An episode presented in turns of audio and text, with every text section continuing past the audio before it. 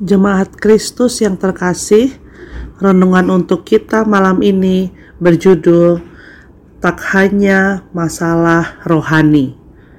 Dan bacaan kita diambil dari kitab Matius 15 ayat 32 sampai 39. Beginilah firman Tuhan.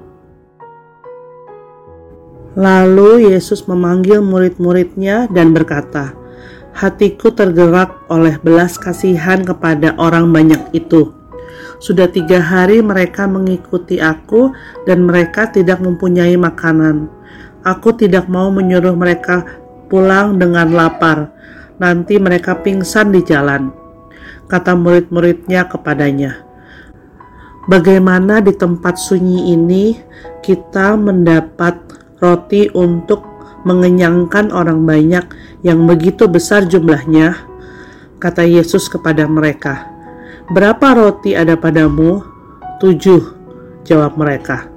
Dan ada lagi beberapa ikan kecil. Lalu Yesus menyuruh orang banyak itu duduk di tanah.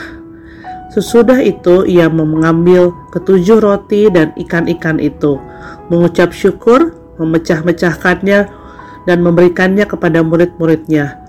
Lalu murid-muridnya memberikannya pula kepada orang banyak. Dan mereka semuanya makan sampai kenyang.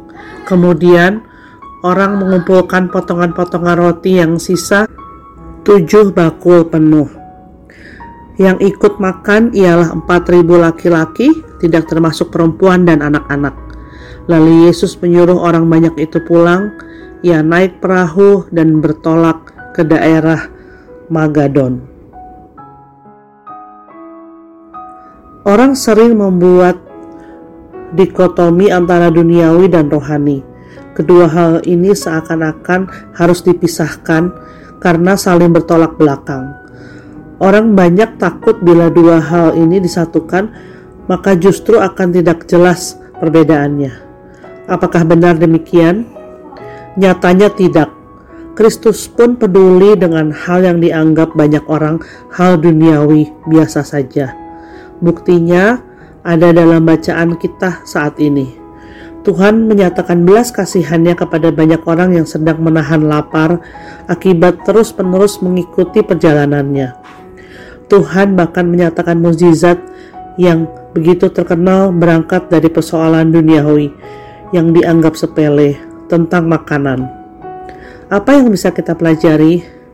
Jangan pernah membeda-bedakan dan berusaha memisahkan keduanya. Sebab dalam kedua hal itu Tuhan berkarya dengan luar biasa. Tuhan bisa memakai hal-hal rohani untuk memelihara kita. Misalnya melalui ibadah, renungan, atau ayat-ayat Alkitab.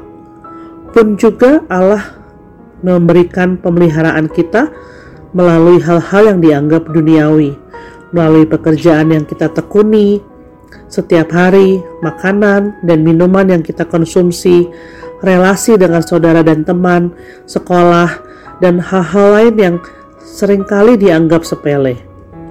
Jadi, jangan pernah membatasi karya Tuhan dalam hidup kita.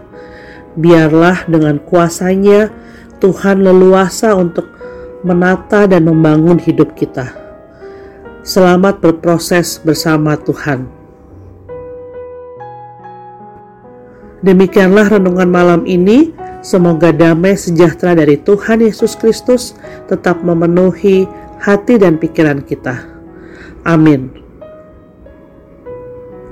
Jemaat yang terkasih, mari kita bersatu hati menaikkan pokok-pokok doa yang ada dalam gerakan doa 21 GKI Sarwa Indah. Mari berdoa.